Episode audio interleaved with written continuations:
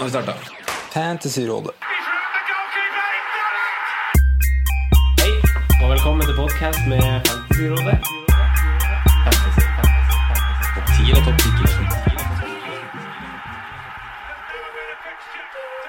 Hei sann, og velkommen til en ny episode med Fantasyrådet.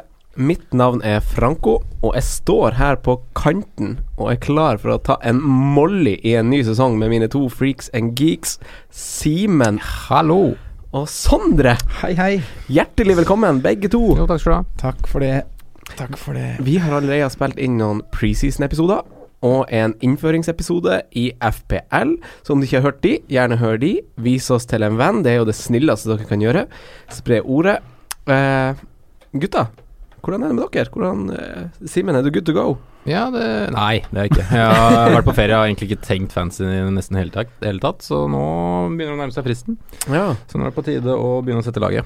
ja. Hvordan strategi går det for, eh, egentlig? Jeg er veldig usikker. Det står og vipper om jeg skal ha big gun Mo Salah eller ikke, da. Men, så det er det som egentlig avgjør egentlig ganske mye andre deler av laget, da. Mm. Eh, Det er det, men eh, det blir nok eh, Jeg sa jo til meg sjøl at jeg liksom skulle ha et større fundament i forsvaret enn det jeg hadde i fjor. Ja. Men alle draftsene mine har jo ikke vært med den takken. Nei. For det dukker jo opp billigforsvarere man har lyst til å spare penger på som vanlig, og ja.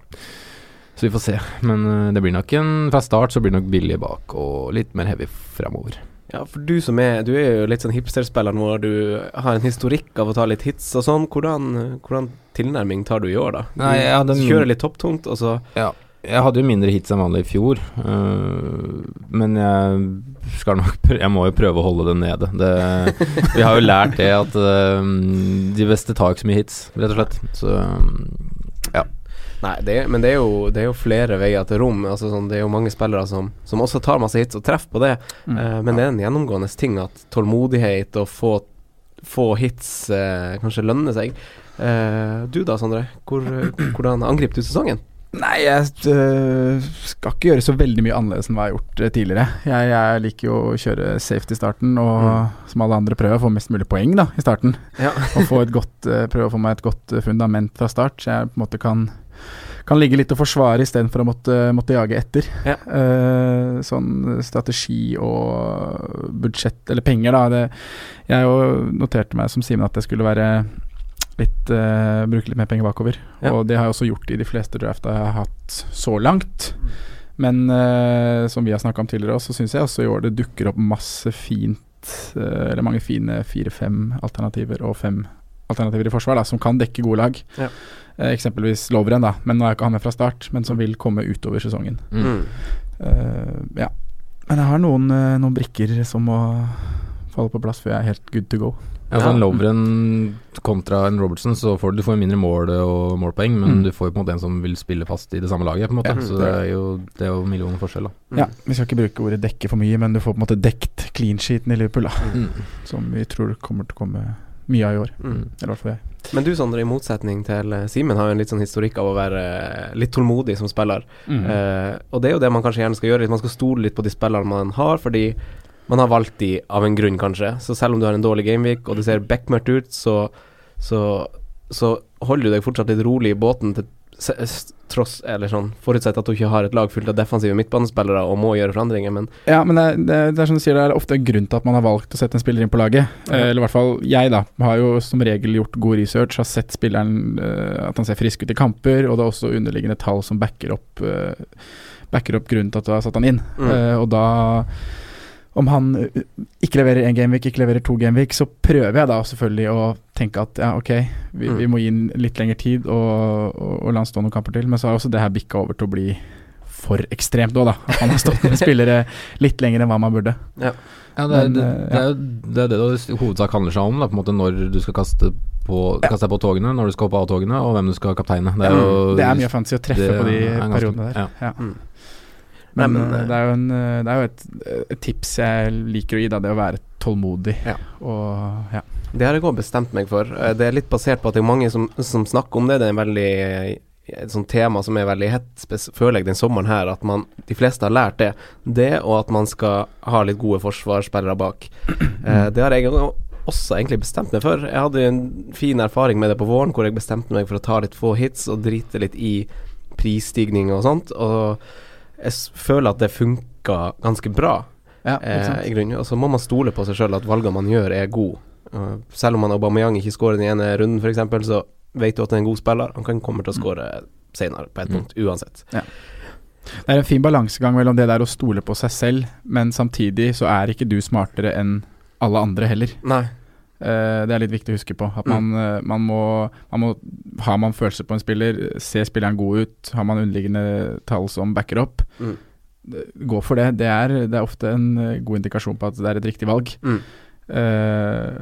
Men er det en spiller som veldig mange mener ikke er noe å satse på, Ja. så må du ikke tenke at ja, men her ser jeg noe som ingen andre ser, og det er det riktige, det jeg ser, så jeg ja. går for han. Mm. Men å hele tiden ja, finne balanse mellom det, da. Ja. Det er jo en kunst. Balansekunst. Ja. Eh, I dag skal, så har vi litt ulike ting på agendaen. Vi skal snakke om ulike lagdeler, ta det litt sånn lagdel for lagdel, og da diskutere gjennom de ulike prisklassene. Eh, vi skal ta, så klart ta for oss eh, spørsmålene som dere lyttere har sendt inn både på Twitter og på Facebook. Eh, vi skal vanligvis i podkaster framover snakke om eh, runden som har vært, men nå har det ikke vært noen runde. Eh, hva har dere notert dere på blokka av treningskamper da, gutta? Det, det er jo et vant, vanskelig år da med tanke på at det har vært VM og mange kommer inn seint, og det blir da tydelig det i lagoppstillinger og sånne ting. da Så det er et vanskelig Det er vanskelig å se fra det. Eksempel i Westham så har du jo ikke så mange som har vært i VM, men du har en, ganske mange nye, samtidig med en ny manager. Så det er liksom du, Det er vanskelig å vite, føle seg fram til hva du egentlig får, da. Um, så er det Ja. Ja, jeg føler det har vært mer det å Preseason generelt handler ikke så mye om Eller det handler mest om å kartlegge enkeltspillere Mm. og, og, og deres form i ja, hvordan den er stigende eller synkende eller ikke ser bra ut, og Mm. hva slags også kartlegge formasjon og spillestil til lag, da. For du får aldri i preseason får du aldri sett hvordan et lag eh, ser ut på sitt aller, aller beste toppa. For det skjer jo ikke, spesielt ikke nå som du sier, Simen, hvor det er VM og de beste spillerne, de, de kommer sent tilbake. Mm. Eh, men man har jo sett også den preseason her at det er enkeltspillere som ser veldig bra ut. Ja. Uh, og enkeltspillere som kanskje ikke ser så bra ut som vi hadde trodd og regna med de skulle se ut. Hvem da, for eksempel? Eh, Sané Ja. er et eksempel på en jeg vil, hadde trodd skulle se skarpere ut, med tanke på at han ikke har spilt noe mesterskap i sommer. Mm. Uh, Burde vært sulten. burde vært sulten. Uh, det lille jeg har sett av han nå på tampen av preseason, og også det man får av uttalelser av Pep, indikerer jo at han ikke er helt der han bør være. bør være, og vi kanskje hadde trodd han skulle være. Mm. I motsatt ende så har du jo Arnatovic, Ja. som ser veldig frisk ut. Jeg er egentlig helt enig, og jeg er helt enig med det resonnementet du gjør, eller ikke det du starter med inn, Altså det du innleder med at man eh, At man må være litt forsiktig med å legge for mye i kampene og kampbildet man ser, fordi altså vi så jo eh, sånne utgangs... Nei, sånne høydepunkt fra Everton sine kamper i går, og det leker jo som ei sil i bakre rekke der. Ja. Eh, så Marco Silva står jo stort sett bare og rister på hodet på sidelinja over hvor eh, altså spillere som krasjer med hverandre, det er mellomrom som er større enn eh, låvedør osv. Mm. Men det er det med enkeltspillere som eh, som man gjerne vil plukke ut. Og jeg har også skrevet Arnautovic og Saha og sånne som, Ja. sånne som ser pigg ut og ser motivert ut, ikke minst. Eh, Bare for å ta Everton, altså, de har sluppet inn syv mål nå på de tre siste preseason-kampene. Ja. Uh, og det er liksom hvor mye skal man legge i det? Mm. Det har vært kanskje det har vært helt ulike backfirere alle kampene. Uh, Steklenburg står i mål. mm. Han er ikke god nok. Uh, det, det er sånne ting som spiller inn på at resultatet blir som det blir, men du kan likevel spotte at Coleman er høyt i banen og slår gode innlegg, Mm. uh, f.eks. Mm. Nei, jeg er for så vidt enig i det. Uh, Simen, har du merka noe i du, du har vært på ferie, så du har kanskje ikke fått med deg ikke- jeg har ikke så sett så mye. mye. Jeg har egentlig bare fulgt med litt på spillere som har spilt, og hva man tror kanskje, f.eks. med han 4-0-en i Palace, som mange skryter av. Man Mm. snakker om han Van Bissaka, at det virker som han kan kapre en eh, plass bak der, da. Mm. Uh, og så er det å lese litt uttalelser og hva trenere og sånne sier. Eksempel eh, det Pep sier om Bernardo Silva. Mm. uh, at han er langt foran de andre akkurat nå, så langt de har kommet i preseason. Ja.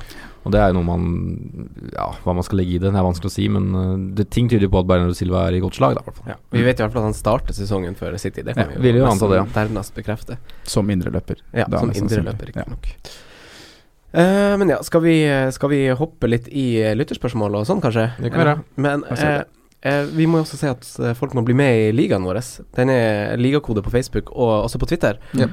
Og en til ting til dere to gutter. Vi har lytterrekord på forrige episode.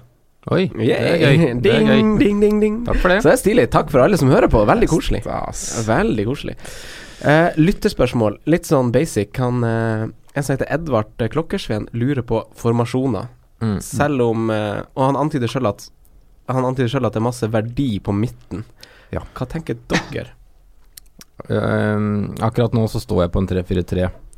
eh, hvor jeg har liksom ikke så fryktelig mye penger på topp som jeg vanligvis ville hatt. Men jeg er ikke så sikker på om det er riktig.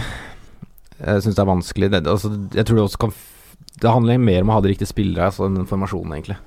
Det, um, for det kan fint fungere en 4-4-2 f.eks., eller variere, med en, variere mellom en 3-5-2 og 4-4-2, eller Mm. noe sånt. Finne på en måte en F.eks. en Kane da, til 5-0 som kan variere med en 4-5-forsvarer eller et eller annet sånt. Ja. Mm. Uh, men jeg synes for min del så stinker det en 3-5-2 eller 3-4-3, altså. Ja. Sånn basically. Mm. Det gjør det. En 3-5-2, var det du sa? Ja, eller en 3-4-2. Ja.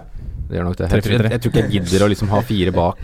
Nei, jeg, jeg, jeg, jeg forstår jo det, og da er vi litt tilbake til det med, øh, med at vi har gode alternativer i, i forsvar, så du kan få tre gode, da. Ja, det er, så virker det på en måte som om det er både én, to og tre, kanskje fire blankere, som kan uh, starte Mm. sine lag, da. Og da Mm. gjør det på en måte ikke noe om de er andre- og tredjemann på benken, egentlig. Mm. Mm. Det, det går på en måte greit, bare de får inn, kommer inn og får to poeng, på en måte, eller ett poeng. Ja. Når det er krise. Mm. Eh, I fjor var jo syv av de ti øverste poengskårerne var jo midtbanespillere. Eh, Kane, Firmino og Vardi var også inne i miksen der. Eh, og så må man jo selvfølgelig huske at det også er verdi i Forsvaret, eh, som du er inne på, Sondre. Altså sånn Aspil Kueta han fikk, jo, han fikk jo mer poeng enn han Hazard. Han fikk jo mer poeng enn han William, eh, og koster jo for så vidt fire mindre enn han Hazard gjør nå. Eh, det, det er jo lett å være etterpåklok, for det her er jo basert på sesongen som var, så det er jo et litt sånn random eksempel. Men du skjønner tegninga, eller dere skjønner tegninga. Eh, hva tenker du, Sondre, om formasjon, og hvor ligger verdien? Det, er, det her varierer seg i løpet av Eller det varierer i løpet av en sesong. Mm. Uh, nå fra start så føler jeg kanskje at det At jeg Jeg, jeg personlig syns at jeg ser mer verdi i det å kanskje bruke litt mye penger på midtbanen. Mm. Uh, jeg har bestemt meg for å i hvert fall ha én dyr spiss. Ja. Uh, det, det kommer jeg til å gå med fra start. Men ved siden av der så har den Aubameyang, da, som er den andre dyrespissen jeg vurderer. Det er Aguero jeg skal ha. Uh, Aubameyang han har et litt, litt sånn tøff to første kamper, og så blir programmet veldig bra. Uh, og bak de her så har du Firmino, starter mest sannsynlig, vet ikke helt med formen. Ryktes at han er i god form, man er litt usikker. Men så er det alternativene som kommer under, som er Saha, Arnautovic, Tosun. Eh, som er billigere, billigere alternativer, men man er, det er litt sånn usikre kort, og man vet ikke helt hvem som slår til til hvilken tid, og hva, hva som er Mm. uh, Ja, når man skal hoppe på hvem av de. Men Mm. på midtbanen så føler jeg det er mer utprega hvem man skal gå for. Eh, Og da har tenker du litt opp i, opp i prisklasse? prisklassene. Ja. Da tenker jeg på Sala, selvfølgelig. Mm. Jeg tenker Eriksen. Jeg tenker Mané. Eh, og jeg kan kaste inn uh, Du kan jo selvfølgelig legge inn Alexis Sanchez der også, Mm. som også er en dyr og klar, klar mainman i sitt lag. Mm. Uh, så derfor har jeg valgt å gjøre det på den måten. Da. Og, og, og også det med alternativer i 6-5-klassen på Mm. midtbanen, som jeg også føler er en veldig fin og spennende prisklasse i år. Mm. Med, jeg tror det er mange gode spillere i den prisklassen som kommer til å ha høy poengsum når vi, når vi sitter her i mai. Mm.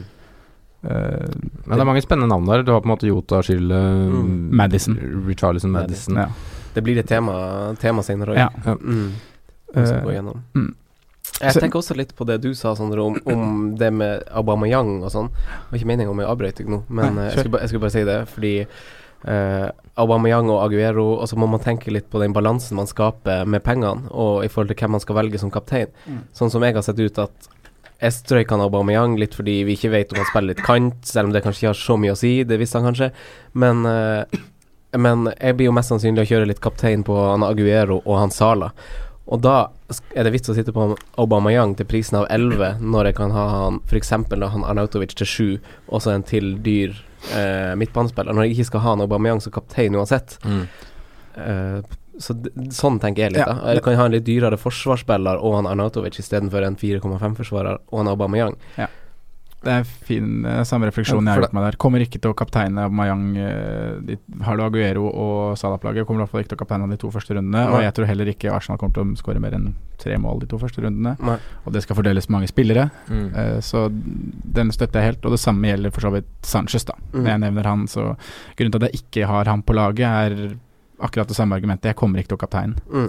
Altså, så er det, sånn, det er det fancy handler om. Det er på en måte points per million, men så er det det som, ikk- som aldri kommer på en måte inn i det regnestykket, og det er jo captaincy. Mm. Um, du må på en måte ha i hvert fall én, og helst to, som du kan rullere på og ha som kapteiner, som er de som plukker de store summa jevnt og trutt. Mm. Uh, og det kommer ikke helt inn i det regnestykket på Mm. points per million.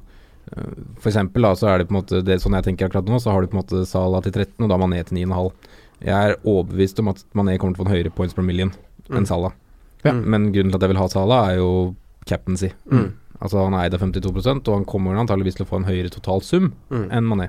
Mm. Men Ja. jeg tror ikke Jeg tror Mané får en høyere points per million.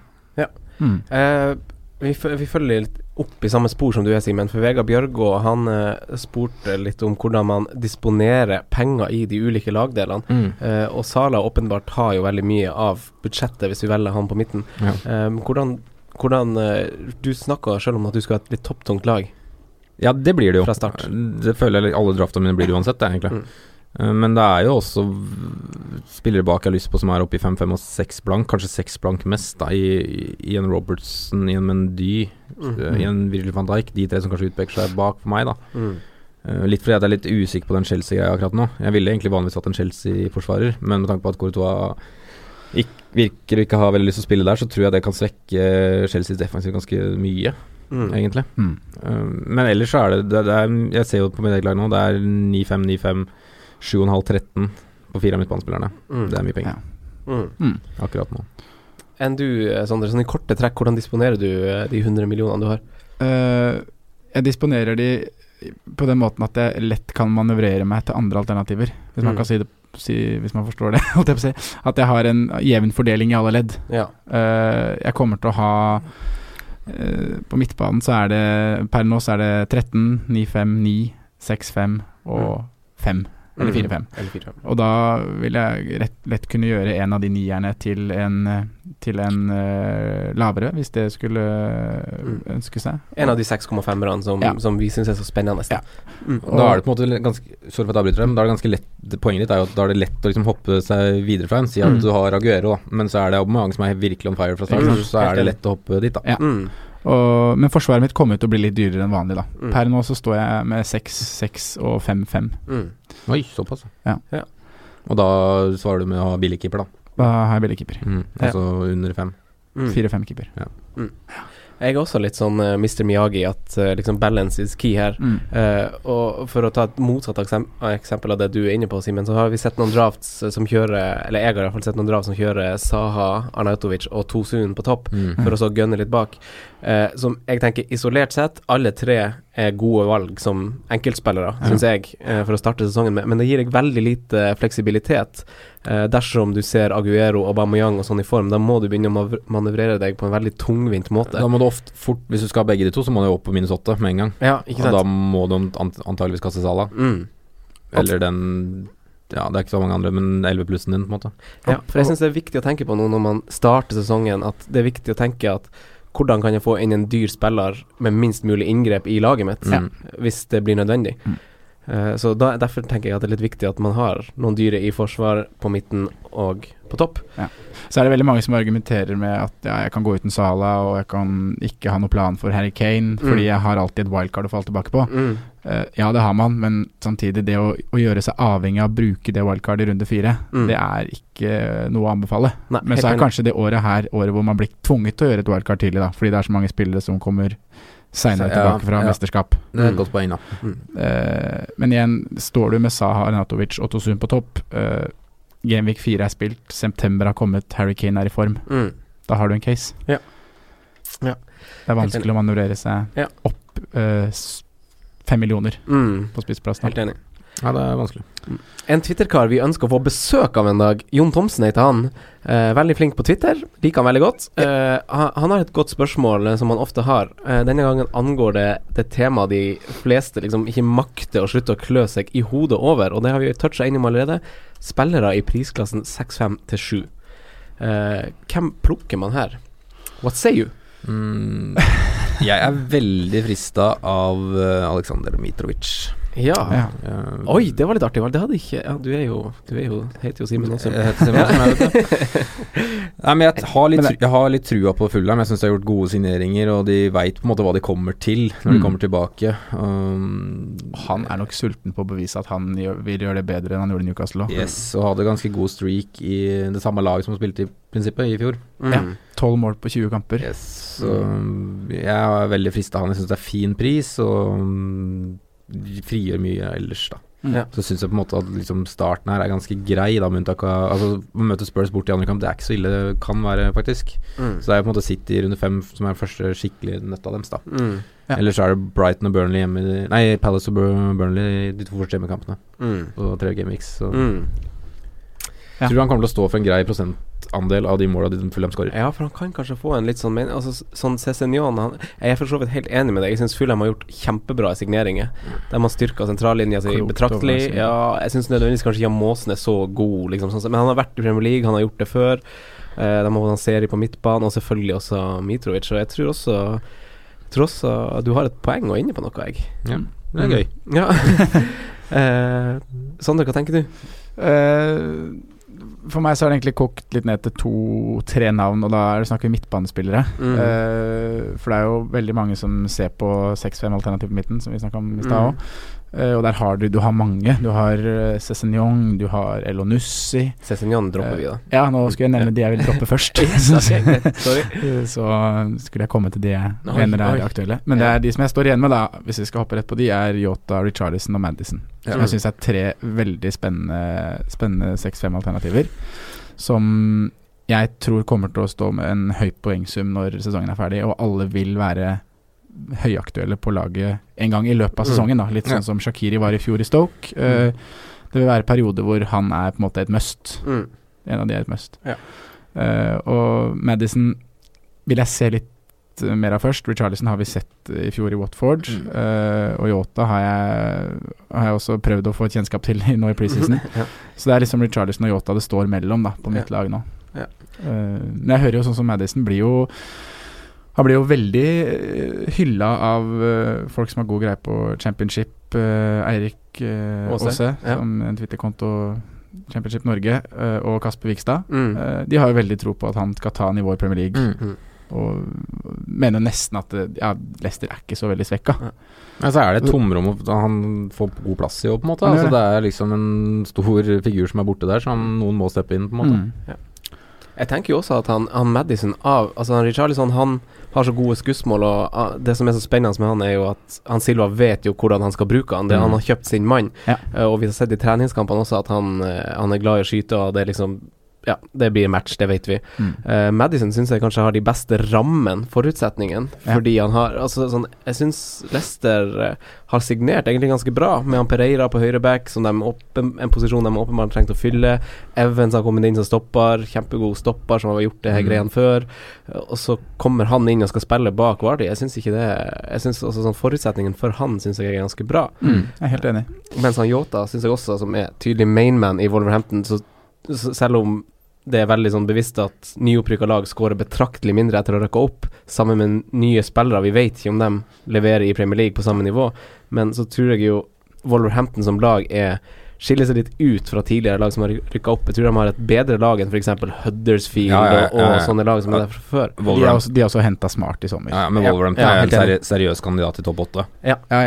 det, det er med hele fundamentet og hva de har i tro hadde når de rykka opp, Mm. rett og slett. Ja. Mm. Um, Ja, de hadde spillere som var- Man kommer opp med spillere som er øh, for gode for championship, Ja. og de henter også inn der de trenger. Jeg tipper Mm. tipper det havner rundt tiendeplass, jeg. Tiende eller tolvte. Men, men de er kapable til å ende på en topp åtte-plass, mener jeg. Og Det, det er også med at en av de topp åtte-laga kommer til å slite Altså kommer til å gjøre det dårligere enn forventa. Sånn Mm. er det alltid. Men, men det som skiller de tre gutta her sånn fantasy-messig nå fra start, er jo at Everton har et kjempefint program. Ja. Ja. Uh, Richardison er kanskje hodet foran pga. det, da. Mm. Og han skårte i sin første kamp uh, i Everton-drakta. Uh, så frisk ut eh, nå sist mot eh, Valencia. Valencia. Mm. Eh, ja. Og så er det stats før og under Marco Silva, som Ja, ja. er helt absurd, egentlig. Ja. Ja, han skårte ikke mål uh, etter at Silva dro. Mm. Så, Men jeg ser for meg at både han og Yota er involvert i mål i, når de møtes i Game Week 1. Ja, for det plager seg litt med med Richarlison. Greit nok han og vet hvordan han skal bruke han, men det, det er jo andre folk der som vi er vant til at har en del poeng på Fantasy. Eh, Ja, altså, du har- Tosun, han, han var, mens han spilte i fjor, tok Mm. 50% av peng, målpoengene Eller var involvert i 50 poeng, prosent av målpoengene til Everton Ja. mens han spilte. Og så har vi Gylfi Sigurdsson. Eh, og så Nå linkes de jo veldig kraftig, ifølge Sky Sports, til Bernard fra Shakhtar. Eh, vi har Walcott der, som Han er jo av og på, Mm. men allikevel, det er Ja, så har du, som du har noe som lusker litt bak der òg, da. Mm. Bol Bolasi, som er tilbake fra Mm. skade. Ryktes jo bort, han òg, da. Ja. Uh, min kjærlighet Luckman og, og Calvert. Og Calvert, ikke minst. Men det er jo det som er poenget. Tror, altså, sånn, Yota er en veldig mer sånn tydelig person at hvis du skal til Wolverhampton, så er det han du skal ha. Men nå har Everton brukt mye penger på å hente Richarlison. mm. Eh, Jeg er helt enig. hentet Jeg han til- valgt han selv. Ja. Uh, mm. ja, Det er vel 40 millioner pund signering, er det ikke da? Så nesten. Og Lå det ikke rundt der, da? Så det er en stor signering for Everton, og han kommer til å spille ganske mye, Ja. Ja. vil jeg tro. Men han Johan, som du har vært inne på, han har spilt litt back nå. Og Ja, kan godt hende han kommer til å gjøre det. Men enn han godeste Pedro, altså han er jo veldig trigger-happy, han skyter masse, og han kan jo få en sånn rolle under han Sarri, sånn som han Sarri litt styrer og kjører litt sånn falske niere og litt sånn flytende trio på topp. Mm. Ja. Hva Jeg tenker vi om han til 6,5? Jeg syns det er et uh, for usikkert kort å gå med fra start. Ja. Uh, det- per nå så er både Hazard og William i klubben. Mm. Uh, det har ikke vært noe sånn Det, det er stadig noe smårykter, men det ser ut som de skal være i Chelsea. Mm. Eh, og da er jo de foran på kantene. Ja, ja. Og da Hvis du, får en, hvis vi endelig får en manager som liker William, så Da er det kan jo han, ja. ja, da er han kjempevalue. Ja. Kommer til å bli. For det er jo han eh, Koster jo 7-5. 7-5, ja. Ja. Det er en million opp, da. Mm. Mm. Men Pedro er, må jo på en måte være på lista, for han er pga. prisen, som du nevner. Ja. Eh, Chelsea-midtbaner generelt, kanskje. Ja. Eh, De, de har dem i øyekroken, men de har jo ikke imponert i preseason, og heller ikke i Community Shield, som vi kanskje Nei, skal vente at er, man skulle er det noe litt med det tilbake at Ja. du må ikke se på laget, da, for de har mønstra veldig forskjellige Ja. elvere i preseason. Ja, Altså, men det kan jo være greit å liksom nevne at man kanskje skal sitte litt i båten der, da. For det er jo en ny manager som kom med en ganske forskjellig spillestil enn Mm. det Conte hadde. Mm. Ja. Eh, og det kan fort ta en tre-fire runder før vi på en måte får se skikkelig konturene av hva Sarri-ball er. Jeg er helt enig. Jeg tror også vi kommer til å få Jeg tror også Chelsea kommer til å bli populære valg utover, og at det kommer til å bli bra, Mm. men at i starten så er det litt, litt, litt for usikkert. Ja, altså Ja. Det er jo, ja, som, som du sier, det svirrer fortsatt med overgangsryktene rundt Hazard, f.eks., og Courtois vil tydeligvis bort, så det er av, avvent litt, vil, er i hvert fall mitt tips. Eh, men Jon Thomsen han nevner jo også opp til sju, og da må, har jeg jo jeg skrevet Saha og Arnautovic. Ja, han Saha han fikk fire av ti straffer for Palace i fjor, og er jo deres soleklare, sole, soleklare stjernespiller. Uh, og og så, I hvert fall så fremst han blir, da. Han er jo rykta bort, og det er jo eh, for en stor sum, så jeg tror kanskje han blir. Og jeg, synes, jeg har lest noen rykter om at han ser misfornøyd ut, og sånn, men der er jeg helt uenig. Jeg har sett masse på treningsfeltet at her er det god stemning egentlig i Palace. Ja. og så har vi han Altså Det som er holdepunktene for meg i han Arnautovic og han Saha, er at de hadde så utrolig god form på våren. Så det er veldig masse lettere å begrunne hvorfor man skal ha dem i laget sitt. Så Ja, F.eks. Richarlison, som ikke har levert siden Exactly. 2017. ja, og har ny trener og i nytt lag. Så, så det er masse, sånt, masse tryggere valg, syns jeg, og kan forsvares i større grad. Så, Ja. så min personlige mening er jo at både han Saha og han Arnautovic er jo bedre valg enn alle til 6,5 på midten, syns jeg. Eh, ja, ja. Jeg syns det. ja det, det, det, er det bare jeg, jeg, så noen rykter om at Arnautovic spilte Han spilte venstrekant. Ja, og, og en litt hengende rolle bak uh, Ja. Chicharito. Mm. Uh, og da får vi se hva, også hva Pellegrini velger der, da. Mm. Ja. Uh, ja. Han vil i hvert fall være på banen, da. Ja, det er Ja, ja, det, akkurat det. han er jo faktisk stjerna akkurat nå. Ja. Så får vi se hva nye Filippe Andersson kan levere eller Mm. kjøre. Og han Jarmolenko òg, som jeg syns så god ut i treningskampene. Sånn, Spiller som vil mye. Men Men, jeg- eh, vi starter jo ikke med de. Starter jo ikke med de. bli lurt inn i det FN-prosjektet der, altså.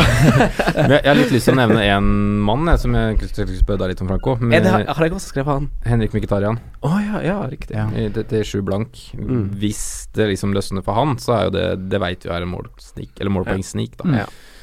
Det som er med han, er jo at uh, For det første så har han med Chelsea og City i de to første kampene. Og han, Ja, ja, ja, han møter jo ikke opp på de, de Sånn historisk sett møter han ikke opp på de kampene.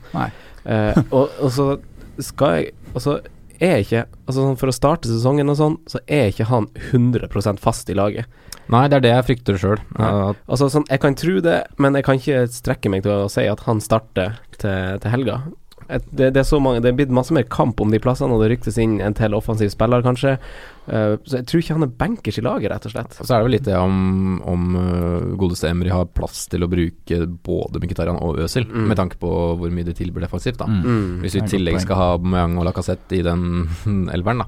Og så kommer han til å rullere masse. rom å dekke for uh, Torreira, ja. Ja. Mhm. Så da er det kanskje bedre å dytte inn en uh, Ramsey og Chaka, da, så Ja. i tillegg, liksom.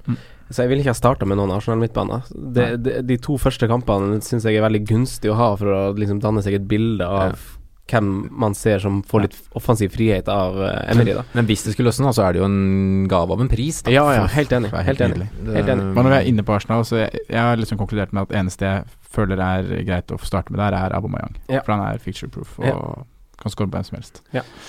Selv om jeg Eh, ikke gjør det selv. Eh, jeg vil bare nevne en spiller. Ja, ja, ja, kjør. Ja, har du også en du vil nevne? Ja. Jeg vil nevne Gudmundsson. Ja, Jeg syns, jeg, jeg syns Burnley eh, Burnley undersnakkes. Ja. Eh, Men det Ja. Ja, men jeg, jeg, du kan få du, altså, han, kost, han, han, han koster seks blank, men det er bare Jeg syns bare at han er kjempegod fotballspiller. Hver gang jeg ser Ta Lennon isteden, eller? Hæ? Skal du ta Lennon isteden?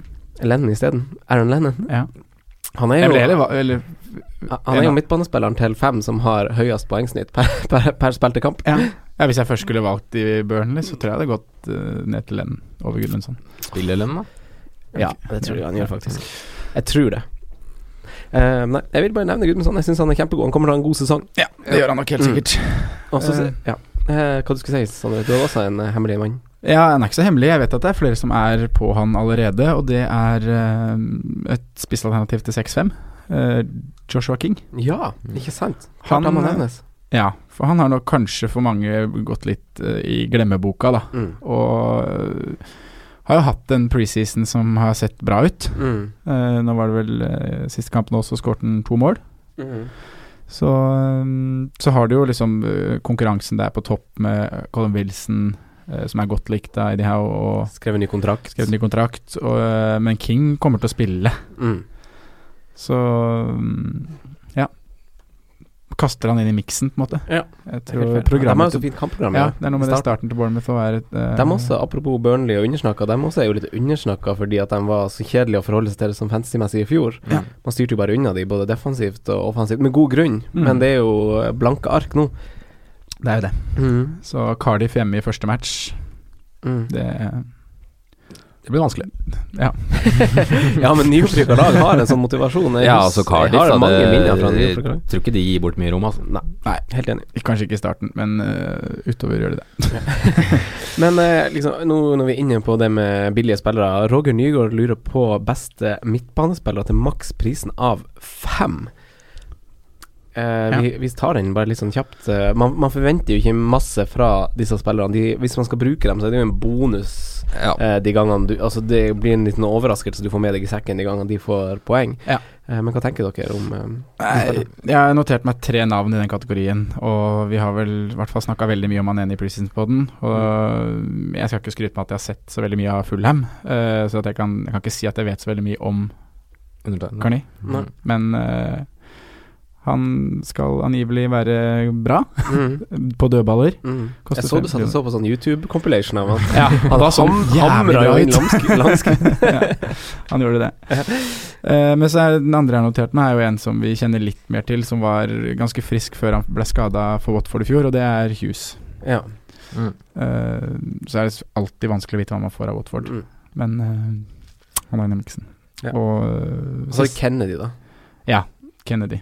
Kennedy som De har jo et mareritt av et kampprogram, men han, han kommer jo til å være en offensiv spiller eh, fra Gameweek 9 eller noe sånt, når de begynner å få et fint program, Newcastle. Ja, Så ja, ja, da kan jo han være litt spennende. Veldig røff start der, men Eh, Simen, har du notert Det, noe? det er samme tanken, egentlig. Det er egentlig bare Kearney som er i den kategorien som egentlig er interessant for min del. Mm, ellers så må du liksom kaste deg på noe Horginio eller Neves eller satse på noe tilfeldig sist, tror jeg. Ja, du, vi snakka jo om Neves i preseason-podden, jeg tror de fleste har hørt det. Og han får jo masse kort også, elleve gule og ett rødt, Ja.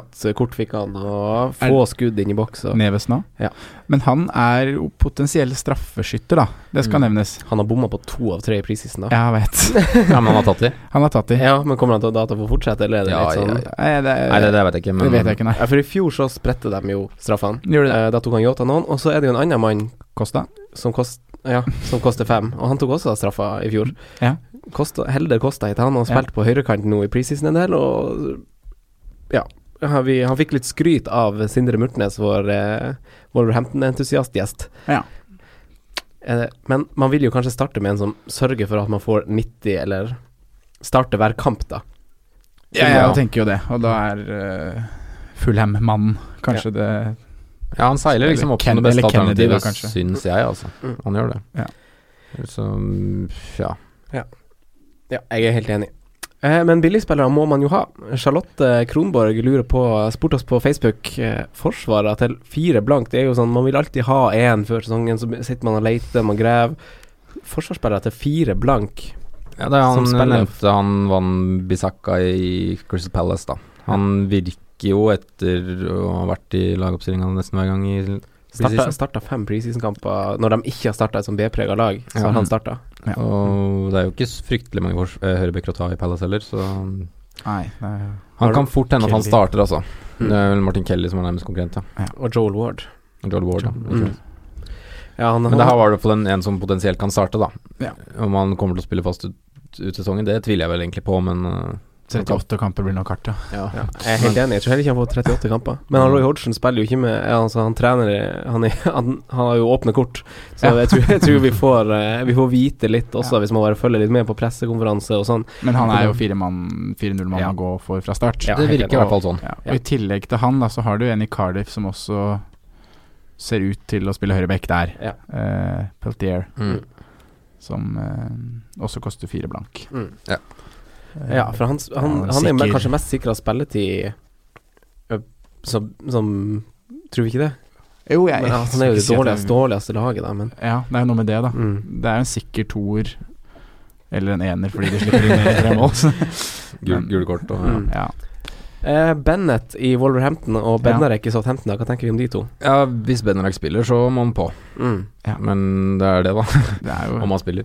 Mm. Men det har jo virka litt sånn man fort kan få den ene plassen der, da. mm. Og jeg syns jo på en måte han var ganske brukbar i VM også, Mm. så kanskje det har noe å si, da. mm. Ja, jeg er for så vidt egentlig enig. Så liksom- han hadde jo tillit under han Hughes eh, på våren. Mm, Men det er ganske mange å ta i det midtstopperopplegget Eller det er mange midtstoppere Ja, i er. Southampton. Da. Det er, Du Mm. har jo på en måte Benarek, og så har du Yoshida, og så har du nye i Westergård, og så i tillegg så har du Wesley Holt og Stevens. Mm. Så det er jo konkurranse der, da. Sa du Yoshida nå? Mm. Ja. Ja, bra. Må ikke glemme Yoshida. Nei, det, jeg det kan jo fort bli en trevekslinje der, da. Da kan det fort oppstå en plass. Ja, det kan det. Og, ja, det blir mest sannsynlig trebackslinje. Ja. Og, og, og Bennett han spiller jo per i dag Spiller han nok i Wolverhampton, gjør han ikke det? Eller er det sånn at han Saiz går ned i forsvar, kanskje, fordi han Motinho er kommet opp på midten der? Ja, det var det jeg Eh, lurte Det kan fort stemme, altså. skjønner du. Mm. Uh, så jeg syns det på en måte er de to mest usikre korta av de fire null som Ja. en er aktuelle, da. Skal vi bare konkludere med Peltier og Van Bissaka fra start, hvis man skal ha to stykk? Ja Eller hvis man skal ha én, for den saks skyld. Bisakka kanskje er soleklar én, mener jeg. Og så syns jeg som Peltier er jo kanskje det som er sikrest kortet, men hvis Benarek spiller seg til fast plass, så ville jeg jo hatt han. Ja, det er det jeg tenker òg. Ja. Ja. Jeg tar nok Benarek hvis han spiller, altså. Ja. På et eller annet tidspunkt. For å, Vi skal hoppe til å snakke om litt mer lagdel for lagdel, dy- dykke litt mer i det. Men før det skal vi ta noen kjappe dilemma. Magnus Henriksen han spør Mané, Sané eller Eriksen. Hva sier du, Simen? Mané. Ja, Sondre. Eh, Jeg sier også Mani. Samme. Samme her. Tre av tre. Eh, Odd Einar Svinøy Alexis. Jeg or nei? Nei herfra. Mm. Jeg er veldig usikker på den. Jeg har egentlig litt lyst på Alexis, jeg. Men um, Så jeg, jeg ville jo sagt yay, da, men jeg har det ikke på nå. Men det kan fort hende en men, altså. Jeg sier også nei. Ja, jeg Eh, begrunner liksom det i at han ikke skal kapteines til første runde. Ja. Men jeg, jeg syns fortsatt han kan være jeg tror han, han kan være bedre å starte med enn han kommer til å være utover sesongen, tror jeg. Fordi pga. det VM-greien at han kommer til å tjene litt på at spillere er litt sent tilbake, for han kommer til å få mer ansvar offensivt. Ja, så er det jo en mann som liksom har tatt så mye poeng før, Mm. og ja. Ja. Så det handler egentlig bare om å få den i gang. Ja. Jeg har ikke så trua på han på, på sånn sesongbasis. United eh, sko- har jo de siste sesongene starta sesongen med å skåre en del mål også. Ja. Eh, vi prata litt om det i fjor, husker jeg. At eh, United skårer jo ikke mål, men de skårte jo fire i hver kamp de første Mm. fire-fem kampene. Ja, og Pogba-show. Men det har ikke sett veldig bra ut i preseason. og Det er ikke så veldig god stemning i klubben, da. Så, men jeg, jeg, jeg fristes litt, altså. Ja, jeg har hatt den inn i draft, draft selv. mm. Eh, Ja. men det er Mm. vanskelig å få plass. Altså. Ja. Siste dilemma for akkurat nå. Stig Arild Degrum, Theo Walcott eller Richarlison? Richarlison. Mm. Mm. Uten å blunke. Ja, samme her. Det blir Ja, det Det er greit å bare få en sånn den er. Få det lagt den død. Ja. Ja. Eh, nå skal vi gå litt en, gjennom lagdel for lagdel, og vi har snakka litt om pengedisponering. Vi har vært litt innom noen sånne billigløsninger gjennom lytterspørsmålene vi har fått. Eh, men keepere, gutta, det har vi ikke toucha så masse innom. David Gulbrandsen er en av de som ønsker at vi diskuterer dette her litt. Eh, hva tenker vi? Billig dyrkeeper? Hvorfor? Hvem? Mm. Jeg, jeg, jeg tror jeg ender på fire-fem keepere i år, jeg. Eh, rett og slett fordi DG ble kasta opp til seks blank. Mm. Eh, men isolert sett så tror jeg fort også nyervervingen Alison kan bli en av de beste valga, men der er det også at du vil ha tre andre. Mm. Men jeg tror han isolert sett kan være en av de som får høyest points per million, da. Ja, men så har du, som du sier, altså Robertson og van Dijk som vi forventer litt offensive bidrag fra. Ja, Og så har du kanskje også lyst på to offensive, eller kanskje faktisk tre. Ja, Helt enig. Um, så jeg, akkurat nå så står jeg og vipper mellom uh, Fabianski Mm. og Rui Patricio i Wolverhampton, Mm. Spennende. faktisk. Mm. Spennende. Sondre, har du noe input? Uh, nei, hvis vi tar premiumkeepere først, da, så Av de som er premium, så har det liksom blitt Ederson for meg, som har Mm. seilt opp som det beste valget. Uh, Over alle sånn? ja, og da med tanke på det at jeg vil heller ha Robertson, som er et uh, Ja, som det er offensivt bidrag i. Men Men I City så har du Mendy, da. Ja. Mm. Men isolert, da? Hvis du ikke tenker med det. Hvis jeg ikke tenker på det, så Ja, den Jeg, jeg tenker at timing Jeg har alt å si. Uh, Ja, når du altså, ja. greit nok at hvis du skal stå med han Ederson sånn ut sesongen, så har du en som har tatt det ganske høyt. Men det er ikke sånn at jeg velger en keeper nå, så er jeg forplikta til å bruke han resten av sesongen. Men jeg tror etter de 9-10-11 første rundene, så tror jeg han Ederson har flest seksere, og han har flest uh, Han har flest clean shit. Han møter jo Etter Arsenal-kampen nå, så møter han de tre nyopprykka lagene og de tre nyopprykka lagene fra i fjor. Ja. Eh, Og da skal man også legge til at det kan hende han slipper å spille i Arsenal-kampen, da. ja. For det er jo noe Så, så, så jeg tenker litt at man kan, man kan starte med han Ederson, for jeg tror han er den keeperen som kommer til å ha mest poeng eh, til et visst punkt. Og så snur de jo ting litt, og da kan man kanskje ha en billigkeeper i stedet og bruke litt penger ute. Det er min tanke.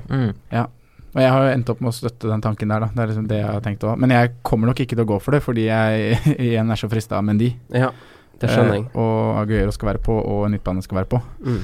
Så da har jeg Fra start så kommer jeg også til å kjøre billig, billig keeper, tror jeg. Ja. Og da Ja, for keepere er jo de lavestskårende spillerne, og derav er de jo de billigste defensive spillerne i sitt lag. Eh, David Hea han var jo overlegen i fjor, og det, det var et litt sånn spesielt år, og Ederson var bak, men bak der var jo billigkeepere, tre-fire billigkeepere, hakk i hæl der. Det var Fabianski som var nummer tre, var det ikke det? Jo, så da har man jo da, Hvis man altså, sånn, snakker points per million, så har jo man mer poeng per million hos en billigkeeper, da. Mm. Fordi Nei, skillet er ikke så stort som det er hos f.eks. forsvarsspillere fra en premium til en billig. Altså I tillegg, altså prisøkningen og at jeg tror på en måte, Selv om det er David DG, så tror jeg den sesongen i fjor var altfor høyt på en måte, i forhold til hva han kommer til å få. da Jeg, jeg. Eh, Selv om han er sjuk, altså. Mm. Så, så tror jeg liksom den prisstigningen og at det er ganske bra alternativ både i 5-0 og 4-5 Mm. som gjør liksom at de blir et bedre valg i år. Altså. mm. Ja, jeg er for så vidt enig. Uh, men av billigkeepere, da, så, så har jeg notert uh, Fabianski, og jeg har notert Ryan. Uh, for de hadde flest redninger i fjor. Uh, Butland er jo også inne i den miksen, men han røkka ned, så han Mm. telles på en måte ikke. Nei. Eh, Skal- hvorfor hvorfor snakker ikke folk så masse om Ryan, egentlig? Ja, det er et godt spørsmål. De har veldig Brighton er et av de som tilbyr fire- 4,5 defensive spillere som har best underliggende stats. ja, de hadde ti clinches i fjor. Mm. Samme trener fortsatt, samme stopperpar foran seg. De har en litt vanskelig start, da hvis det skal tas med i her når du velger keeper. Så har de United og Liverpool i Gameweek 2 og Gameweek 3 og Tottenham i Gameweek 6. Mm. Så Eh, er det ja, to bortekamper borte fra de. ja, så det så det er på en måte bare runde fire Fulham hjemme som tenker yes. Da. Mm. Ja. Så det er et godt poeng, det. Mm. Og så er det jo Westham slapp jo inn flest mål i fjor, men nå har de jo fått en keeper som har bevisst tre sesonger på rad at han redder veldig masse. Mm. Uh, og Pellegrino sa i en av de Pellegrini, unnskyld, sa i en av de første pressekonferansene dine at i sommer skal vi øve på tett igjen, vi kan ikke slippe inn så masse mål som i fjor. Eh, Holdt også clean shit nå i generalprøven. ja, så, så jeg skjønner jo valget av Fabianski veldig godt, jeg. Og så har man den ekstra millionen til å oppgradere til en Mendy i forsvar som man kan forvente offensive bidrag fra. Mm. Kanskje gjøre liksom en fem eh, midtbane til en 6,5 på noe vis. Det er jo den pakken Man må tenke litt totalpakke når man velger keeper, fordi Ja. ja. Jeg er helt enig. Men det eneste jeg egentlig er overraska over, er at uh, Berd Leno ikke blir mer nevnt. Ja. Med tanke på at han er en fem blank keeper og står for et lag som egentlig har gjort en god sommer, på en måte, og har en ny giv, da. Mm. Bør ha det, i hvert fall. Ikke ser veldig trygge ut bakover, mener jeg da, Arsenal. Nei, men altså Arsenal er et lag som på en måte veldig ofte hjemme møter lag som bare ligger lavt og egentlig ikke vil skåre med mindre Arsenal skårer sjøl. Ja da, det er jo det, jeg tror nok Arsenal blir ca. nummer fire-fem, kanskje, på topp antall clean sheets. Jeg tror det blir sånn som du, vi, dere begge snakka om Chelsea i stad. Uh, det er en ny trener som skal legge litt, en ny struktur, så det tar litt tid før det setter seg. Ja. Uh, Men det er fortsatt fem blank. det er fem blank. Det er, noe, Ja. det er ikke fem-fem, det er fem Nei, blank. det er fem blank. Det er godt Så- poeng. Så jeg tror det kan bli bra på sikt, kanskje, men jeg skal være 100 sikker på at han Leno spiller også. Husk at han Check er jo i klubben, han også. Ja. Jeg er ferdig med Check nå. ja, jeg håper det, men jeg er ikke 100 sikker. Nei, det, nei. Og jeg vil starte Jeg tror ikke Leno kommer til å gå inn og dominere i Premier League. Nei. Jeg tror det kommer til å ta litt mer tid enn hva Arsenal-fans håper. Eh, men eh, Sondre, jeg husker du sa det her på en podkast i fjor, for da gravde du litt. Keepere, det beste strategien i sånn er å rullere keepere hvis du treffer.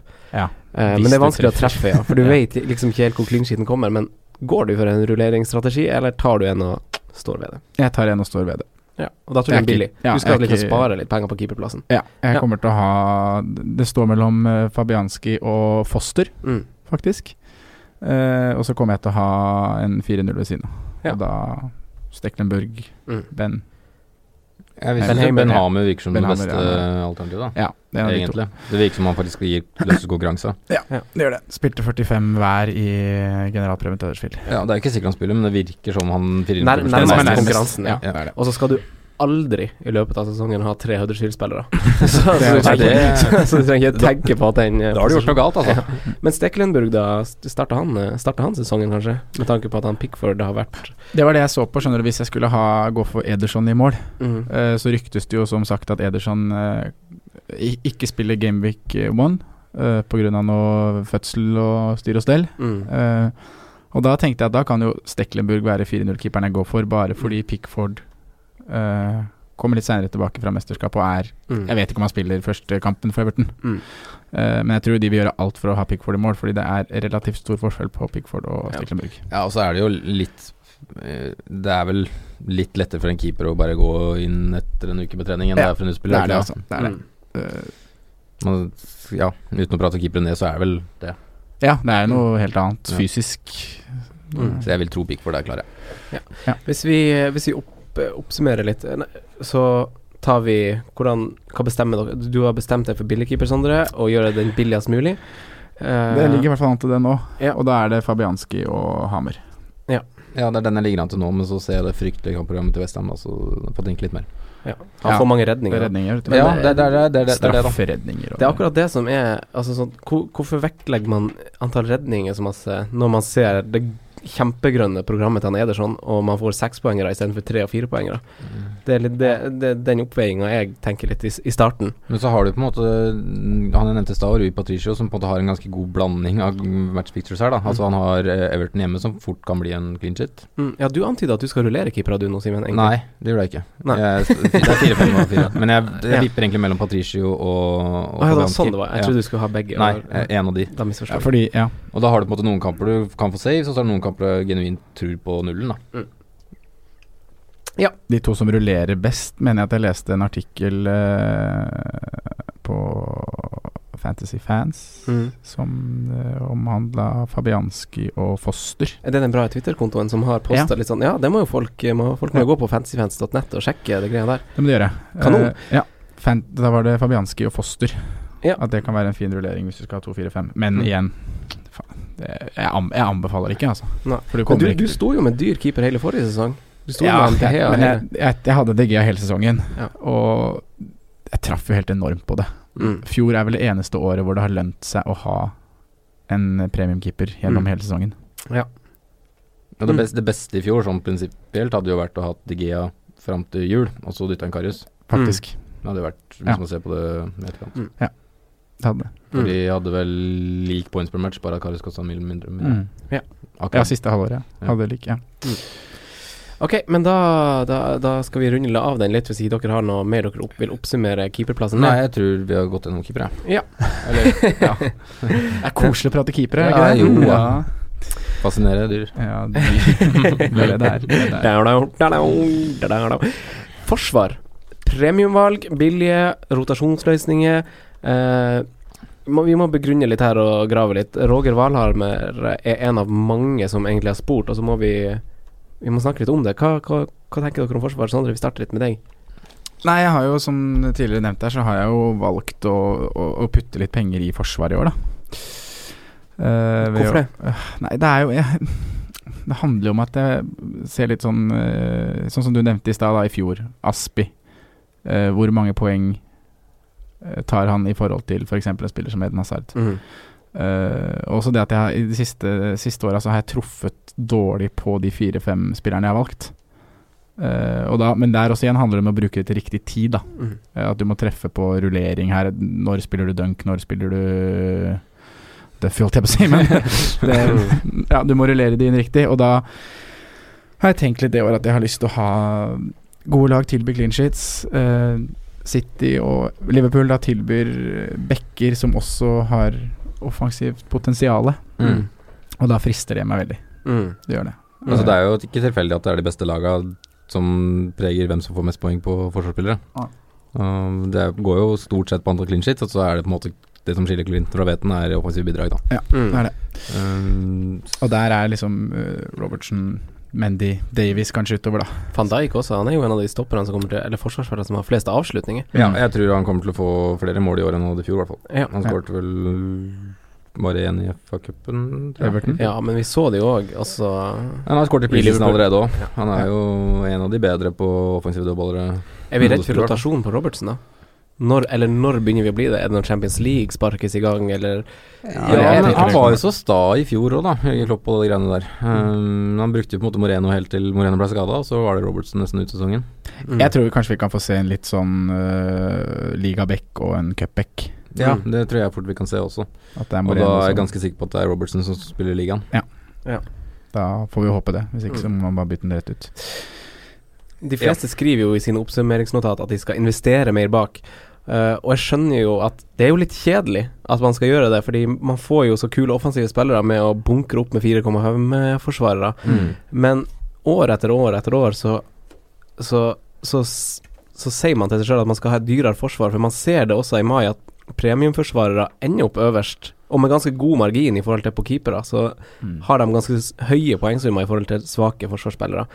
Uh, og det som han Simen sier, det er jo gjerne de som, som spiller på et lag som holder masse clean sheets, men som også har offensive bi bidrag som skiller seg ut. Ja. Ehm, hvor mange må man ha? Premium. Ja?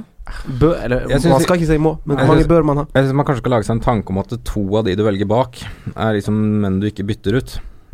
Mm. Altså de, de skal i prinsippet stå, da. Ja, nå har vi et wildcard og sånne ting, men de skal på en måte i prinsippet stå hele veien. De kan jo spille i hver runde. Mm. Er liksom tanken min, og så er det liksom nesten rullering på sistemann. Mm. Eller eventuelt to, da. Ja, det har vært en vanlig eh, strategi for meg i tidligere sesonger òg. Ja, og da er det oftest da så lønner det seg på en måte da å, å gå stoppere, eh, i hvert fall på de mer moderne lagene som spiller f.eks. med Spurs, da som du har faktisk rullering. Ja. Ja. Og det vil vi også se i Arsenal i år. Det, Det det, det, det, Spurs som har brent oss mest, det ble vi jo Ja. litt om, at de har jo Ja. misfarga liksom det rotasjonsback-greia litt, for han rullerer så veldig mye, han Porch. Mm. Så det handler på en måte om å finne de stopperne, egentlig, men det hender jo alltid bare med backer uansett. Så det jo mm, Men der er jo på en måte ene, ene argumentet om å gå van Dijk, da, Ja. syns jeg. At eh, Jeg tror Liverpool er et av de som kommer til å holde flest nuller i år, Mm. og han kommer til å spille hver bidige ligakamp så lenge han er frisk. Ja. Og han har vel ikke noen sånn kjempeskadehistorikk i seg, vel. Ja. Jeg har ikke bestemt meg for han eller Robertsen. Nei. Altså, en av de syns jeg du må ha. eh, i forsvaret ditt når du starter sesongen. Ja. Fordi det er, det er litt vanskelig, det er så mange nye trenere. Arsenal, Chelsea. eh, du vet ikke hvem som spiller bak United. Da blir det veldig lett å gå til Liverpool, som også har veldig fine defensive tall. Og her vet du hvem som spiller, det er samme trener, fint kampprogram. Det er ingen grunn til liksom, at du ikke skal ha én spiller derfra som i, tillegg, som i tillegg tilbyr offensive bidrag. Mm. Eh, vanskelig, syns jeg.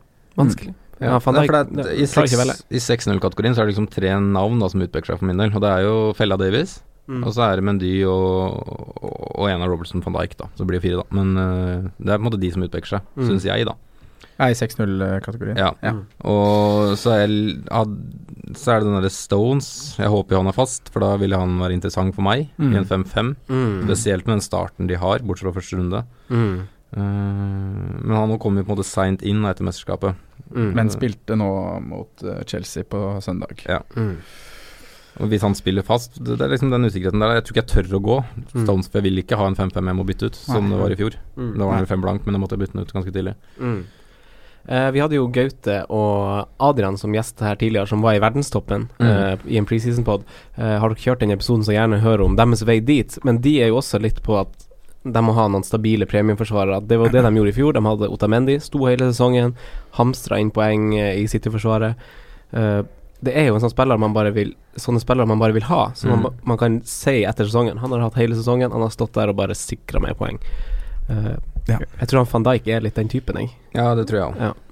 Som man sitter igjen med i mai og tenker at han skulle man hatt hele, hele året. Ja, altså På en naturlig sesong så vil jeg jo tro kanskje van Dijk har i hvert fall like mange offensive bidrag som Motomendi. Mm.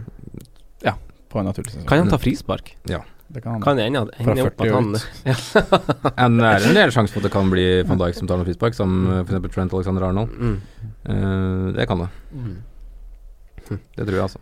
Jeg vil kaste David Louis inn i miksen her, jeg nå. Ja. okay. uh, Chelsea For jeg sitter med David Louis og syns jo det er et veldig usikkert kort. Samtidig som det er en, en av, som går i den kategorien Om han blir spillende da under Sarri, Ja. trygg og, og solid, eh, som bare kan stå hele sesongen gjennom, Ja. uavhengig av hvilken motstand Chelsea møter. Men her igjen har man mange spørsmålstegn. Eh, både keeperplassen eh, Og David Luiz i seg sjøl, som hadde en ganske dårlig generalprøve. Ja, Ja. Og Ja. det, det er fire stoppere der òg, som man i prinsippet er ganske dødt løp mellom Kan være, i hvert fall. Mm. Ja. Men det er prisen, da. Prisen og uttalelsen til Sarri, da, som, at han har vært fornøyd med David Louis, og mm. Louis kontrer med at han eh, trives veldig godt i Sarri sitt system og måten å spille fotball på, som preseason har vært så langt. Mm.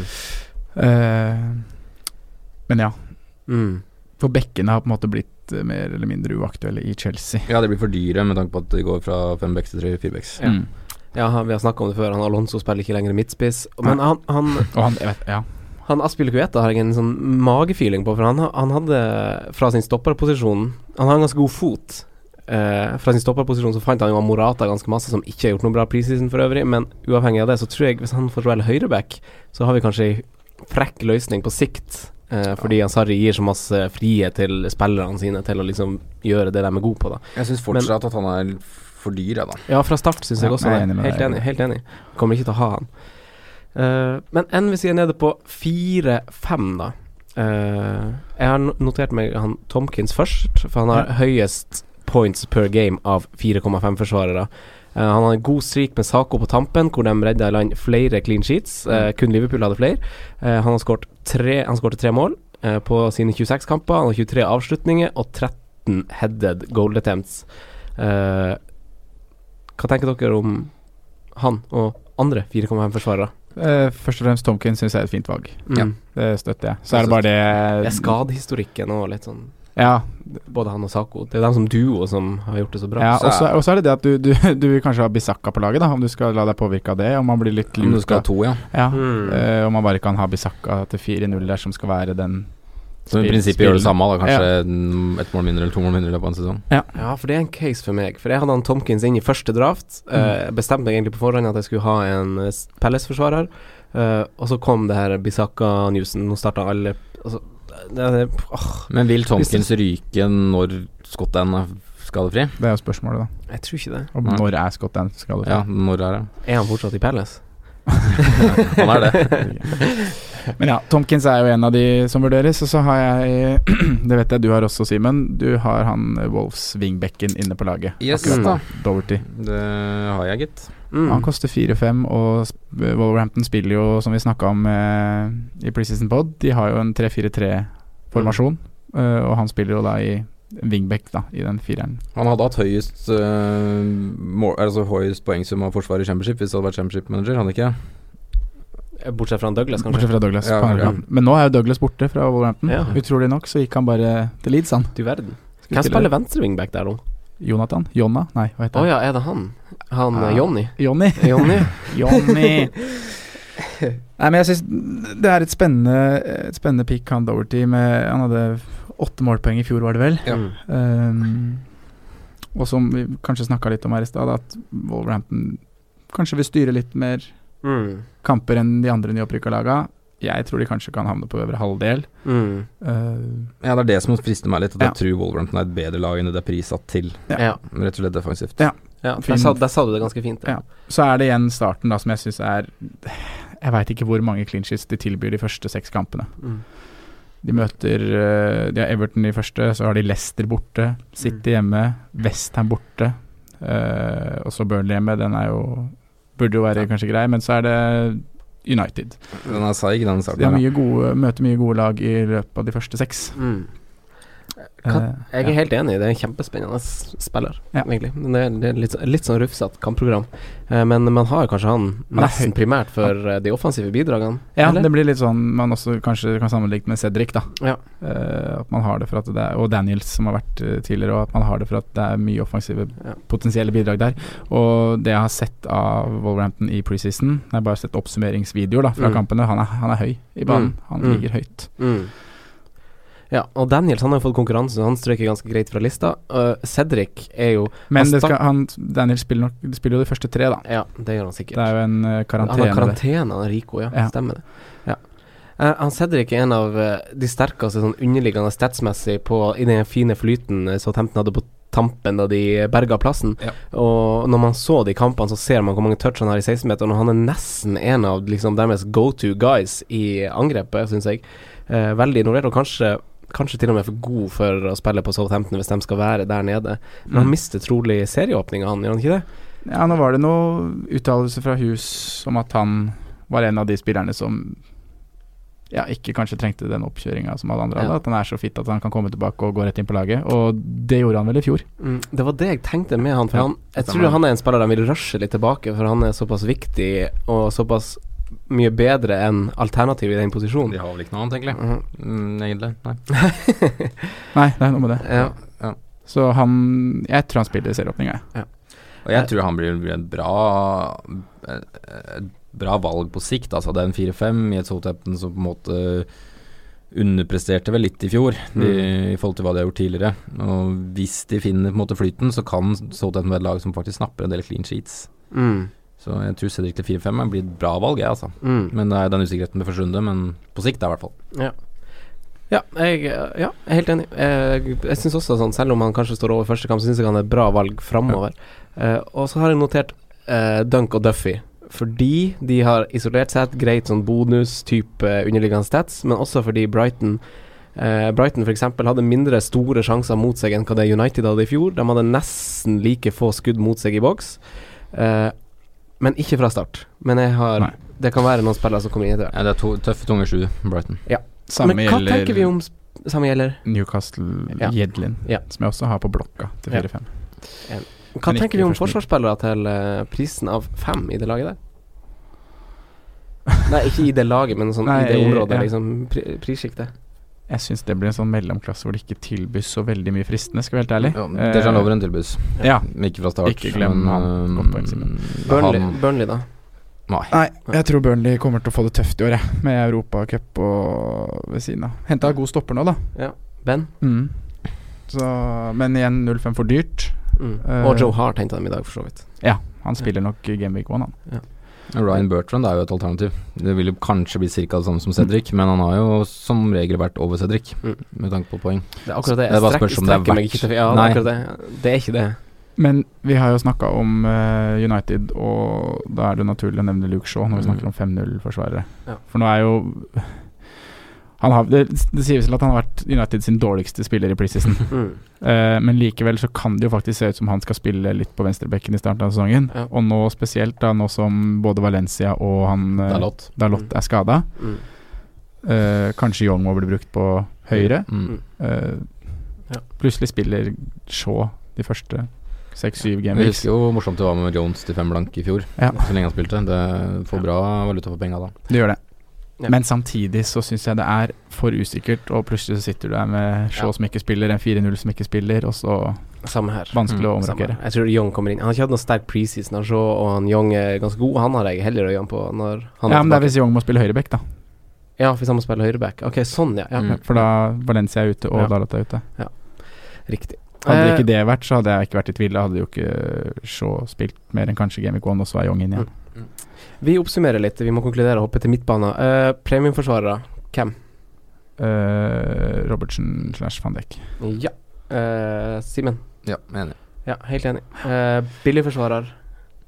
Eh, Jeg tar sjansen og sier Dorothy. ja, jeg er nesten der. Bisakka da selvfølgelig til 4-0 skal være inne, Ja. Eh, og så Doverty. Jeg har skrevet Cedric og Tomkins, jeg. Mm. Ja, men jeg støtter de òg. Ja, Ja. Eh, vi hopper til midtbanen, da. Vi har snakka litt om den her 6,5-bracketen i et lytterspørsmål, så det trenger vi ikke å snakke så mye om. Eh, sammen med billige. Men hva med premium midtbanespillere? Huh. Mhm. Jeg tar en råsjanse og sier at Mané blir et veldig godt valg i år. Kan jeg få stille deg et litt sånn Er kriti- kri? Kritisk spørsmål? Mm. kritisk spørsmål. Eh, er han masse bedre enn han Shakiri? Ja. Er det sånn Men sånn, han Shakiri har jo noen sånne Noen sånne egenskaper som Som, som boksåpner type evner som Ja. ikke han Mané har når de møter litt dype lag. Han kan skyte et frispark i mål. Ja, men jeg er litt, litt uenig òg, faktisk. Fordi det er Mané som ofte har fått en, han har fått en ny rolle, fikk det deler av fjorårssesongen, hvor han nesten opererer som tier. Mm. Um, og jeg har også lest noen rykter om at hvis Liverpool ikke Hvis det er sant at de har gitt, gitt fra seg håp om å si- signere Fikir, så har, tenker de at tieren de skal ha, har de i troppen, og det er Mané. Ok. Um, I de kampene, da. Og da Jeg tror ikke Mané kommer til å bli benka på bekostning av Shakiri, men jeg tror fort at de kan spille begge to. Ja. Men han kommer til å miste minutter. Han, han har jo en historikk Og Ja, det, det, det gjør alle Han Ja, Shakiri kommer til å Spesielt- stjele minutter ja, ja, ja, ja, ja, klart det. 2-0 hjemme, og så er det 60 min. Så klart en av de frontere hviles.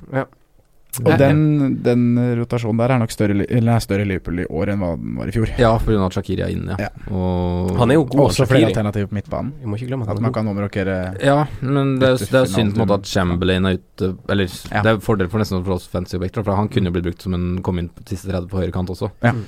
Eh, men eh, ja, jeg har Mané sett veldig bra ut. Han har jo, så lenge han har spilt, ekstreme gode tall. Han Ja. har jo bedre tall enn f.eks. en Hazard Ja. i Premier League. Ja. Ja. um, på ti kamper mindre. Finner han flyten, så vet vi jo hvor vanskelig han er å stoppe. Og så har jeg en genuin feeling på at de måla kommer til å bli mye mer likt fordelt som det var i Champions League, da, enn som det var i Premier League i fjor. Ja. At det kommer til å bli mye jevnere fordeling mellom topp tre. Eh, Når vi er inne på Liverpool og Mané, da, så Firmino. Ja. Tror du han starter Game Week 1? Ja, siden han starta nå allerede mot uh, Napoli. Ja. Han Fikk, fikk bare 45, men det tror jeg Og resten fikk vel ja, litt mer. Ja. Mm.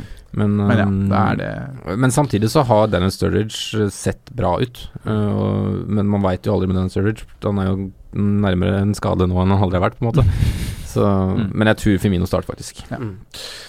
Eh, så er det jo det store spørsmålet. Sala. Uh, han Sala han, uh, han eh, hadde målinvolvering på 54 Eh, Han hadde 27 målpoeng mer enn han Firmino og han Mané kombinert. Eh, og æres de som æres bør, det hørte jeg på en annen podkast som heter Got The Eh, han hadde 66 skudd på mål. Eh, Eriksen nummer to på den lista med 30 et eller annet.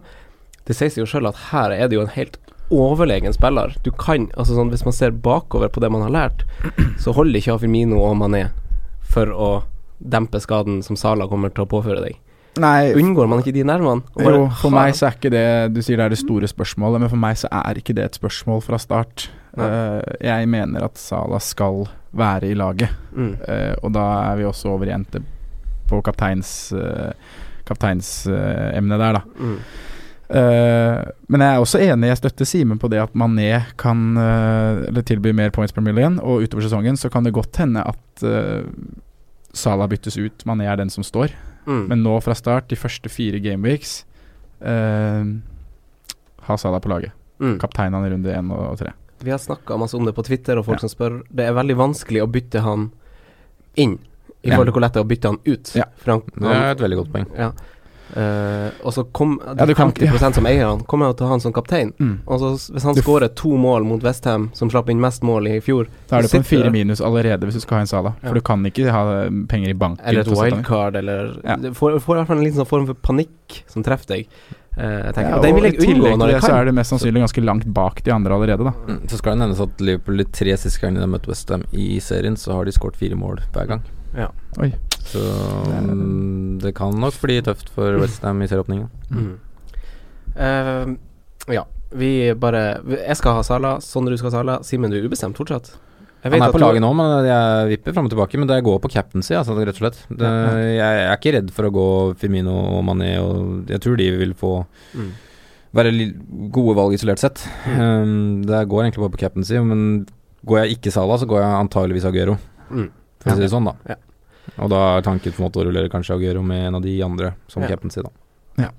Ehm, jeg tenker uh, altså, Og så har vi City. Uh, Stirling skårte faktisk nest mest poeng i fjor. Mm. Jeg tenkte først at han var feil prissatt, men han, var, han er jo kanskje ikke det. Men han er Nei, ikke på bakgrunn av fjoråret, er han jo ikke det. Men, Men- vi, vi styrer unna nå pga. VM, og pga. en spiller jeg vil slå et, ma et slag for, det er Mares. Ja. uh, Kall det igjen en magefølelse, så ikke stol veldig blindt på det jeg sier. For, men jeg tror at han er kommet dit for å spille, fordi at han kan bekle litt ulike posisjoner. Eh, han kan spille bak spissen, som han har gjort litt i preseason. Han kan spille på høyresida, han kan spille på venstresida. Uh, og han kommer bare til å, Han kommer til å stå over én eller to av de her eh, seks gullkampene som City kommer til å få eh, etter Arsenal. Men Mm. jeg tror at jeg tror ikke han kom, For å si det sånn, da, jeg tror ikke han kommer til å få noe mindre spilletid enn han Sané og han Stirling og de. Ja. Og Nei, han ikke. ni. Uh, han tar sikkert dødballer, så han tok det mot Chelsea. Ja. Eh, jeg syns Så kan det virke som at han har mista en konkurrent akkurat på høyrekanten i Bernardo Silva. da Hvis han nå omgjøres mer og mer til en indreløperrolle. Mm. mm. Så er det eh, For der var man og tenkte ah shit, skal det være tre? Skal både Mares, Stirling og Bernardo Silva Mm. rullere på høyre? Eh, så det er også et pluss for Mares sin del, da. Ja. Uh, Og så er det jo også det hvor uh, Sané-greia Mange skulle ha en Sané fordi man trodde han skulle være sulten, som Simen var inne på. Han var ikke det. Ble bytta ut i pausen mot Chelsea. mm. Eh, så Ma Mares er jo plutselig en trygg Og Bernardo Silva selvfølgelig en tryggere, tryggere spiller å gå til fra start. Eh, Ja, hva tenker jeg- dere om City i midtbane? Nei, jeg syns Mares er kjempefristende. Jeg syns han nesten, nesten er mer fristende enn Bernardo Silva, men det er en 1,5 million differanse der. Mm. som gjør egentlig greia. Men um, over en sesong så tror jeg nok Mares vil være involvert i flere målpoeng enn det i hvert fall Bernardo Silva vil være. Mm. Men det tryggeste her er jo å gå Ikke fra start, men å gå Kevin De Bruyne. Han Ja. Sanker så jevnt som det går an, han. Og Blei ble nummer tre av midtbaner i fjor. Ja, han blir det i år òg. Ja, Eller denne sesongen. Det vil jeg tro. Ja, kommer til å være oppi der. Da må du en million opp, opp på ti, men det er på en måte Det er en grei pris å betale for å ha han stående. Det er liksom greia med han og han Eriksen. De kommer til å etter hvert, og sikkert en av de blir å se i mitt lag før eller senere. Eh, de er ganske dyre, men de er så sikre poengsankere. Jeg Yes. tror sjelden vi får se tosifra poengsummer og sånn, men de kommer til å liksom stødig bare levere deg poeng, poeng, poeng, poeng. Ja. Eh, de skyter masse begge to, de tar dødballer. eh, Kan skåre med begge bein. ja, det kan det. Eh, men hva med Ali og sånn? Snakker vi han for lite om, eller er det bare VM som gjør at man bare venter? Ja, altså sånn ikke så bra VM, ut i. VM heller, Mm. egentlig. Syns ikke han så sånn veldig frisk ut i VM. Så jeg tror han er sliten. Ja. Nå leste jeg noen tweets i dag på at både han og Kane var jo tilbake på feltet da og skal være klare til å delta allerede i Game Week One-matchen Mm. mot Newcastle. ja, jeg Spurs må nok kaste en del kanskje litt tunge, slitne kropper ut på de, men Og det er jo ikke positivt, det heller. Ikke sant? Hvis de skal begynne for tidlig nå, så vil jo det slå tilbake på de senere i sesongen. Ja, fort vekk, da. Mm. Så, Det er vel bare det at de ikke har fått nok matchtrening kanskje før seriestart, da. De vil jo Mm. komme, men Ja. Jeg ville heller gått klart og gått Eriksen foran Ali, f.eks. da. Mm. Det er 0-5-differanse der, men Helt det enig, er helt enig, ja. Eriksen all the way, ass. Helt enig. Eh, Sanchez, da. Altså, selv han Stevie Wonder sier jo at, uh, at det ikke sprudla offensivt av United i fjor. Uh, ingen kan jo si imot på det, verken stats eller prestasjoner. Uh, I forhold til topp fire, eh, de andre klubbene, så var jo United veldig underlegen de med offensive tall. Ja. mm. Eh, kommer han til å levere til prisen av 10-5? Det er jeg veldig usikker på. Mhm. Men oppsiden er stor, da. Altså Han er jo på en måte en som kan kunne liksom Ja, for en god sesong, så er han jo verdt fort 12-12,5. Mm. Uh, det husker vi jo fra god sesong i Arsenal. Mm. Men jeg er, jeg er litt skeptisk til hele United-greia, egentlig. Fordi det virker jo ikke som Mourinho har noe skikkelig offensiv plan. Det spørs, det spørs nok om City, Spurs og Liverpool og kanskje faktisk Arsenal skårer flere mål. da Mm. Kanskje Chelsea òg. Ja. Det er jo mye som tilsier det, hvis vi skal basere på det vi vet. Ja, Eh, Det er akkurat det. Mm. Men så er det jo også, hvis du først får i gang det der maskineriet til United, så er det en ekstremt bra elver, altså. Mm. Så det kan enig. fort bli et lag som ja, stiller alle kritikerne, kritikerne, for å si det sånn. Jeg styrer greit unna fra start, men jeg er litt redd eh, for han Sanchez på fredag, faktisk. For jeg tror han kan få eh, han være involvert i noen mål der. Ja. Det tror jeg faktisk han kan være. Jeg er enig. Uh, men sånn på sikt så tror Altså, han, kost, han er nest dyreste av midtbanespillere, han og Hazard. Ja. Eh, eh, han skal Jeg syns det skal mye til for at han skal rettferdiggjøre 10-5. Ja, det er heller gått enn ned, da, enn på både Mané og Eriksen, egentlig. Ja, Helt Og kanskje en Helt og en halv på Marius i starten òg. Mm. Um, Mm. Og på sikt, ja, jeg vet ikke. Har dere notert noen andre jokere? da Sånn Hudson Odoi eh, Kan Max Maier være den nye Gross, selv om han ikke har hatt et eneste målpoeng i Sjalke i år? Eh, Demarai Gray, har dere notert noe sånt? Ja, man har jo alle de du nevner der, har man jo tenkt på. Mm. Men det er jo bare watchlist-spillere. Mm. Du skal ikke ha noe av det fra start. Øzil, da? Eh, samme watchlist-spiller. Ja. Eh, må se hvordan dette her Hvordan Mm. han, hvilken rolle han får i det Emery-oppsettet. Ja. Eh, men jeg syns det er spennende. Prisen er jo fin. Mm. Kan du nevne f.eks. Um, at det er mange som har i spurt meg privat og sånt, om Nabi Keita f.eks. Mm. Mm. Og han er nok ikke en spiller som vil komme sånn ekstremt høyt på de poenglistene på fantasy. Han er en god spiller, men han pådrar seg veldig mye kort, f.eks. Mm. Og kommer sikkert til å ende på totalt på kanskje 7-8-9 målpoeng, men um, Og da kost, han koster 7,5. Det er blir som Ramsey. Og, Ja, jeg tror ja, Ramsey vil få en høyere sum, f.eks. Hvor han blir Ja, skadefri. man venter og ser med de med Spesielt Arsenal-gutta, kanskje også Chelsea-gutta, hvem som Men vi Hvem nevnte som- så vidt den nye. Nazar, da. Ja. Men Det er jo litt pga. usikkerheten, kanskje. Men hvis Ja. han blir i Chelsea, og Mm. Chelsea får i gang det der, 10,5 for Eden Hazard, det er jo snacks, da. Helt Kan han plutselig spille helt på topp? Ja, det er det jeg Ja, også ja, forestiller ja. meg, da, i den der Sarri-miksen der. Ja, litt sånn Mertens-rollen. Ja, så får du Hazard, og så kanskje en Pedro William fly, flyende rundt, da. Jeg er helt enig. Ja. Helt enig, Det er veldig spennende. Og så vet, det vet vi jo når transfervinduet lukkes. Det er jo lukka før sesongstart i gang, på fredag. Ja, i hvert fall på spillere inn, da. Ikke Ja. ut. Ikke Nei, ikke ut, riktignok, det er sant. Ikke ut Men Spania. eh, jeg tviler jo på at de selger han uh, Uten å ha erstatter klar. Ja. Eh, men vi må hoppe til spissa, gutta. Uh, vi må ta den litt kjapt. Eller har dere noe som vil opps Skal vi oppsummere midtbanen litt? Beste premiumspiller, beste budsjettspiller? Ja, Eh, Sondre, Eh, fra start. Eller, eller skal vi droppe å si Sala, da? Se, Ja, han, fordi- altså sånn, selv om han Simen kanskje ikke har han, så er han jo den beste. Han kom, jeg, tror, jeg tror Sala kommer til å ende på mest poeng på midtbanespillerne. Ja. Det tror jeg. Ja, så Og jeg- utenom Sala, Ja, jeg fra start. har også Mané, så jeg sier han, da. Ja. Mm. Fra start. Jeg, jeg sier uh, på sesongbasis, så sier jeg Kevin De Bruyne. Eh, nå fra start så sier jeg i hvert fall eh, Riyad Mahrez. Uh, Mm. Ja. ja eh, billig midtbane. Hvor billig? Nei, Morgan Schneiderlin billig. Shalobah billig. Billig. Hudson Odoi billig.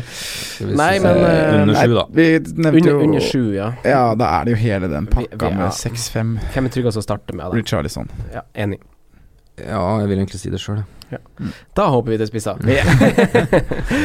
eh, hvem går man for eh, på topp? Roberto Firmino. Robert Firmino. Ja. Ingen Coutinho. Uh, kun Aguero. Ingen flere. Der fikk du lov. Alexander. Der fikk du lov. Aleksander Mitrovic. Alexander Mitrovic. Der har du en speed, det er en fin spisstrio, da. Der har du en i alle prisklasser. Ja, det er det faktisk. Ja. Aguero, Firmino Mitrovic. Skal vi konkludere med det, da? Ja. Nei, men Agueros to mål mot Chelsea gjør jo noe med nervene, da. Mm. ja, og jeg syns nesten det var litt synd at han fikk de, for nå For du var ble det snakkes. Ja, Mm. jeg hadde, ja, det ble litt mer Jeg hadde også han på laget før det, og så ser vi bare han tar en såletouch og hamrer han i hjørnet med venstrefoten. Ja, ja. Fader òg. Økte den eierandelen med en gang. ja. Eh, Jeg har kikka litt på han Aubameyang og han Lacassette, for det, er jo, det kan jo være litt spennende tanke. Ja. Eh, fordi Aubameyang har spilt litt på kanten, Lacassette har spilt litt spydspiss i preseason. Eh, begge hadde en veldig fin vår, eh, egentlig, hvor han Aubameyang hadde tre assists, Lacassette hadde én. Store sjanser skapt, én hver. Eh, store sjanser hatt, 6-5 fordel Aubameyang. Avslutninger 14-11, mål 4-5. Så han Lacassette, han frister jo. Eh, men man vet jo om han er spikra. Sammen med Mkhitaryan. uh, nye trenere, nye lag. Uh, nye jokere kan komme.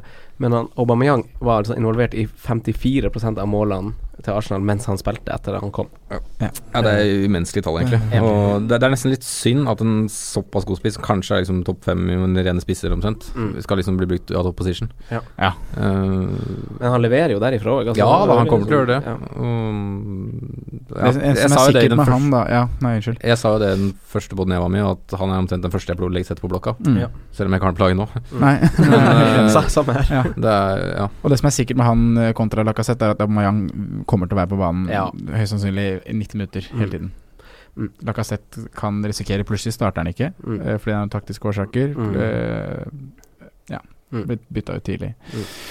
Jeg har kikka mer på spisser som er veldig involvert i lagene sine. Det er Arnautovic, 50% som nevnt, sammen med Tosun. Mm. Chris Wood. Eh, Aguero 43% Kane 49 eh, Hvordan disponerer man Altså, hvem, hvem velger man på topp? Eh, velger man, Går man for de mainman som Saha, Arnautovic, Tosun? Eh, eller går man for to på topp, to dyre? Aubameyang, Aguero, Firmino? Akkurat nå så har jeg en veldig rar fordeling jeg på spissa mine i forhold til mange andre, vil jeg tro. Jeg står med 9,5, 7 blank og 6,5. Hva sa 9,5, 7 blank og 6,5. Egentlig helt Firmino, Saha, Mitrovic, eller? Ja, byttet Saha mot Osun. Ja. Mm. Um, men jeg er, det jeg er redd for, det er jo en det poenget vi var innom på i stad. Mm. At hvis jeg liksom skal ha en premiespiss, så er det en hit Ja. for Ja. å få inn en Aubameyang, eksempel da. Mm. Hvis uh, Aubameyang skal ha hat trick i første runde, for eksempel da. Mm. Og det tenker jeg er litt av Det og at Aguero viser så god form da som han gjør, det er Ja. årsaken til at man Jeg råder folk til å starte med han. Mm. En 11, og da er, da er det mulig å få en Kane òg, når det Mm. kommer Jeg tror ikke det kommer før Gamevik 6, men uh, Mm. da har man mulighet. Har dere vurdert å liksom gå for tre veldig dyre? Altså Sala, Aubameyang, Aguero f.eks.? Ja, Ja, men ja, da jeg hadde blir det det jo- draft, men da var det vanskelig på midtbanen. Ja, da må Da- man spille noen fire-fem for midtbane. Da må man ta sjanse på flere liksom usikre kort på midten, på en måte. Ja. De tar Eller spille 4-3-3. ja. Ja. De fleste tar jo på en måte sjansen med Ja, Si at du kjører en 4-5-5 blank på midten, Mm. som liksom sistemann han skal så vidt bruke. Mm. Og så tar du på en måte sjansen ofte på en 6,5, da. Ja. Det er liksom tar sjansen på én. Mm. Én Richarlison, for eksempel. Ja. Mm. Det er sjelden du tar to i tillegg til den billige midtbanen din, liksom. Nei, jeg er helt enig. Uh, vi konkluderer den litt. Uh, best uh, Nei, Sondre, har du noe å si? nei, jeg bare tenkte på hvis man har de Det er jo ofte man har en billig spiss, da, Ja. som er skikkelig, skikkelig billig. Mm. Så jeg vet ikke hva har dere Det er vel Kamara, Kamara, Kamara syns jeg er det beste valget. 4-5? Ja. Sett frisk ut egentlig for Fulham. Koster 4-5. Ja. Uh, du skal jo ikke bruke han. Nei, Men, det er noe med eh, det. ja. Men det er fint at han spiller den hvis du må. Og så er det den billigste prisklassen du får. Mm. Så, har du Sohore. Sohore. i Cardiff. Mm. Ja, så har du en Jimenez i Wolverhampton Mm. til Ja. 5-5, da. Og han andre i Wolverhampton, Bonatini. Bobby Reed. Å ja, nei. Bonatini, ja. Bobby ja. Reed syns jeg blir for dyr igjen til å ha som en tredjespiss som ikke spiller. Ja, han spiller kan Det er samme med han Jimenez egentlig òg. Ja. Man skal ikke ha en 5-5-spiller på benken. Nei. Eh, men vi oppdaterer litt. Dyrspiss kan jeg, Kan snakkes han for lite om. Han, ja. Kan Ja, jeg. han, ja, han, Ja, han gjør nok det, altså. Det er sikkert um, mange som egentlig bare glemmer den, Ja. med tanke på at Salah har blitt så dyr. Mm. uh, men han har valgt av 33 altså han er ikke så glemt. Nei. Um, Wow. Han kommer til å bite oss bak, vi som ikke har han. Ja, det, det blir jo vanskelig å få på alle kanonene i år. Hat trick incoming i Game 2 Mhm. hjemme mot Fulham, eller? Ja, garantert. Det er jo det. Mm. Ok, gutta. Vi må velge en Eh. toppspiss hver. Vi må velge en liksom ikke toppspiss. Hva er toppspissa over ti? Ja, det, du kan definere det på måten du vil. Hvis du vil ha han eh, Bobby, så kan du for all del ha det. Nå er det fra start, du snakker ikke sesongbasis nå. Ja, jeg snakker egentlig fra start. Ja, Da velger jeg Sergio Aguero. Ja, samme her. Ja, For å være litt annerledes, så tar jeg Femino, jeg, da. Stilig. Eh, ja. Billigspiss. Mitrovic. Ja. Jeg har så tro på Mitrovic. Josh King. Joshua King. Da har vi tre forskjellige boys. Mm. Billig, det. billigpris, billigspiss. Der maksgrensa går på 6-5, Franco. Går den på 6-5? Gjør det, Simen? Ja, det gjør det. Ja. Jeg skal jo ikke ha noen 6-5. det, det kan jeg jo si. Ingen 6-5-ere er egentlig aktuelle for meg, men ja. eh, Si han du var her på 7, da. Sa eller Natwich? Ja, en av de to. Ja. Men det blir han Saha, tror jeg jeg sier, Mm. faktisk. Eh, ja, uh, Simen, vi, vi skal jo ha noen faste spalter gjennom uh, podkastene også i år. Ja. Eh, du eh, Hipsterspalten din har blitt litt etterspurt, så minn oss på hva den er, og hvem som får æren av å være Som får hipstertroen i første runde. Ja, nei, det er jo en sånn spalte hvor jeg på en måte skal bare spå en litt sånn tilfeldig joker som snapper litt poeng. Uh, Basert på Ja. Ja, egentlig basert på lav, lav eiendel, eller at folk liksom glemmer den, eller at den ikke blir tenkt på, eller sånne ting, da. Mm. Så mm, første rundets uh, hipster er en mann som eh, kommer tilbake til Premier League eh, på da et nyopprykka lag. Det er vel en låndeal, om jeg skjønte det riktig. Uh, han har skåret en del i Premier League tidligere. André Schürrle skal skåre mål for Fulham. Til seks blank, det er spennende. blank, ja. Artig. Åh, jeg håper hipsteren scorer. ja, det var ikke sånn veldig bra klaff i fjor. Det var en periode hvor de Ja, plutselig Mitovic Ja, men du har sagt, Nei, du har sagt, du har sagt at du skal være sterk der i år. Ja da, jeg Ja. må opp og nikke der, altså. Ja, det tror jeg du kommer til å være. Eh, de neste spalten eh, er jo litt mer sesongbasert, siden vi ikke har noe på perrongen-spillere å snakke om. Eh, vi skal ha beste billigforsvarer til maks 4,5 basert på sesongen. Vi skal ha en sesongdunk, en premiespiller over 9 som ikke kommer til å levere i henhold til pris, riktignok, og en joker som vi sier at vi kan strekke oss til 6-5 på. Ja. Uh, ja. Vi starter med billigforsvarer. Sondre, hvem har du? Um, Hva, hadde du flere alternativ? jeg har to alternativ. Har man lov å si begge, eller har man bare lov å si én? Nei, du må bare si én. si en, Du må velge, faktisk. Ja, Ja. Da, da tar jeg en sjanse på, på Wolverhampton-bekken vår, jeg, altså. Ja, Doherty. stilig. Matt. Simen. Mm, jeg hadde tenkt å si han sjøl, jeg. Ja, du har lov å si det samme. Ja, må det bli samme, da. Ja. Ok. Jeg sier Cedric. Og så er vi på jo... På, på jeg Og så er vi på joker. Sondre? La bare la Simen få begynne nå, da, så ikke Ja, ok. Ja, ja, stemmer. Ok, greit. Mm. Mm, mm, mm, mm. Jeg hadde egentlig tenkt å si Mitrovic der, vet du. Du har lov til det? Mm, mm. Ja, det er han jeg har så troa på. Ja. Jeg vet ikke hvorfor. Da må du bare si det. Si Mitrovic. Det syns jeg du skal Ja. gjøre. Knalltroa på Mitrovic. Ja. Sandra? Madison. Mm. Ai. Square Ja, Garden. nå har jeg trua på, egentlig. Mhm. Jeg sier litt så. Mhm. Sesongens skuffelse, da, Sondre? Nå skal du være først igjen. Ja. eh, altså, Stirling kommer til å skåre mål. Mm. Det gjør han. Eh, men han skal levere veldig, veldig mange mål. Eh, for å forsvare Eller mange målpoeng, da, for å forsvare prisen han Oi, nå fått. skjønner, nå skjønner jeg at jeg sa feil i stad. Ja, han er jo nest dyreste, ikke han Sanchez han har sett. Men ja. Han skal i hvert fall ja, forsvare mye målpoeng for å forsvare den prisen han har fått på 11 millioner. Mm. Uh, og jeg tenker at han nesten skal over 220 poeng, og og det tror jeg ikke han får. Så Mm. da mener jeg at Stirling er eh, en å styre unna. Mm. Til 11 mil. Godt begrunna. Jeg hadde notert to navn her sjøl, og Stirling var det ene. Men da går jeg for det andre, jeg, da. Romelu Lukaku. Oi. Oi, den er stilig. Jeg tror heller ikke han forsvarer 11 Nå er det blank. bare å forberede Mm. Twitter-innboksen din på Ja, det kan bli spennende. Det. Eh, Men jeg har også en United-spiller, og det er han Sanchez. Ja. Jeg tror ikke han leverer i henhold til pris. Kanskje han får en fin sesong, men jeg tror ikke det er ikke den Ikke han forsvarer 10,5. Nei, han blir ikke målfarlig, Sanchez. Han blir en creator. Sanchez er creator. Ja. eh, kaptein for runden, gutta. Jeg sier bare med en gang at jeg skal ha Salah som kaptein. Jeg skal også ha Sala som kaptein. Det er ikke så stor fallhøyde hvis, du, hvis det ikke går. Jeg Nei, også. det er noe med det, det, er noe med det. Eh, Fordi alle, kommer, alle i gåseøynene kommer til å ha det. Det blir Sala eller Mané. Ja, for Hvis ikke du har Sala på laget, så går du Mané. Det Ja. tror jeg gjør. Ja. Dæsken døtte. Jeg er spent på okay. Jeg er spent på prosenten på Sala og kaptein. Altså. Mm. Ja, omtrent alle som har den, kommer til capen, vel. Ja. Før vi runder av, gutta, har dere noen tips til hvordan man skal angripe sesongen? Deres tips? Ta det med ro, Stol på deg selv. og stol på deg selv. Ja. Mm. Start sesongen trygt. Trygge Ja. spillere som du vet spiller. Det Ja. er ofte veldig Vær lurt. tålmodig. Spillere som leverte i fjor. Mm. Veldig trygg. Ja. Takk for at du hørte fotball. på. Se fotball. Ja. Det blir så gøy med Premier League-start. Herregud. Wow. Takk for at du hørte på. Gi oss gjerne en kommentar i podkastappen. Det setter vi veldig stor pris på. Takk til alle som har gjort det, så klart. Takk Ja. for at dere hører på og sprer ordet. Eh, Franco, hva er ditt mål for sesongen? Oi. Ja, det fikk vi spørsmål om. Det- Skal vi si topp 10 000, da? Ja, du må ta ditt personlige mål. Ja, det blir det. Ja, det blir det for deg? Og slå han Simen, så klart. Ja, jeg skulle til si det. Målet mitt er å slå dere. Ja. Det var første året jeg gjorde det i fjor, tror jeg.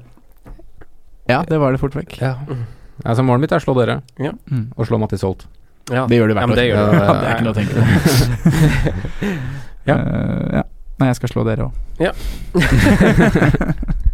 Topp okay. 10 000. Okay. men takk for at dere hørte på, takk for at dere kom, gutta. Jo. Lykke til med sesongstarten. Dette blir gøy. Takk det samme. Ja, takk. Takk. Snakkes neste uke. Adios. Hei. Takk for at du hørte på vår podkast. Vi setter stor pris på om du følger oss på Twitter, Instagram og Facebook. Vi er fans i rådet på alle mulige plattformer.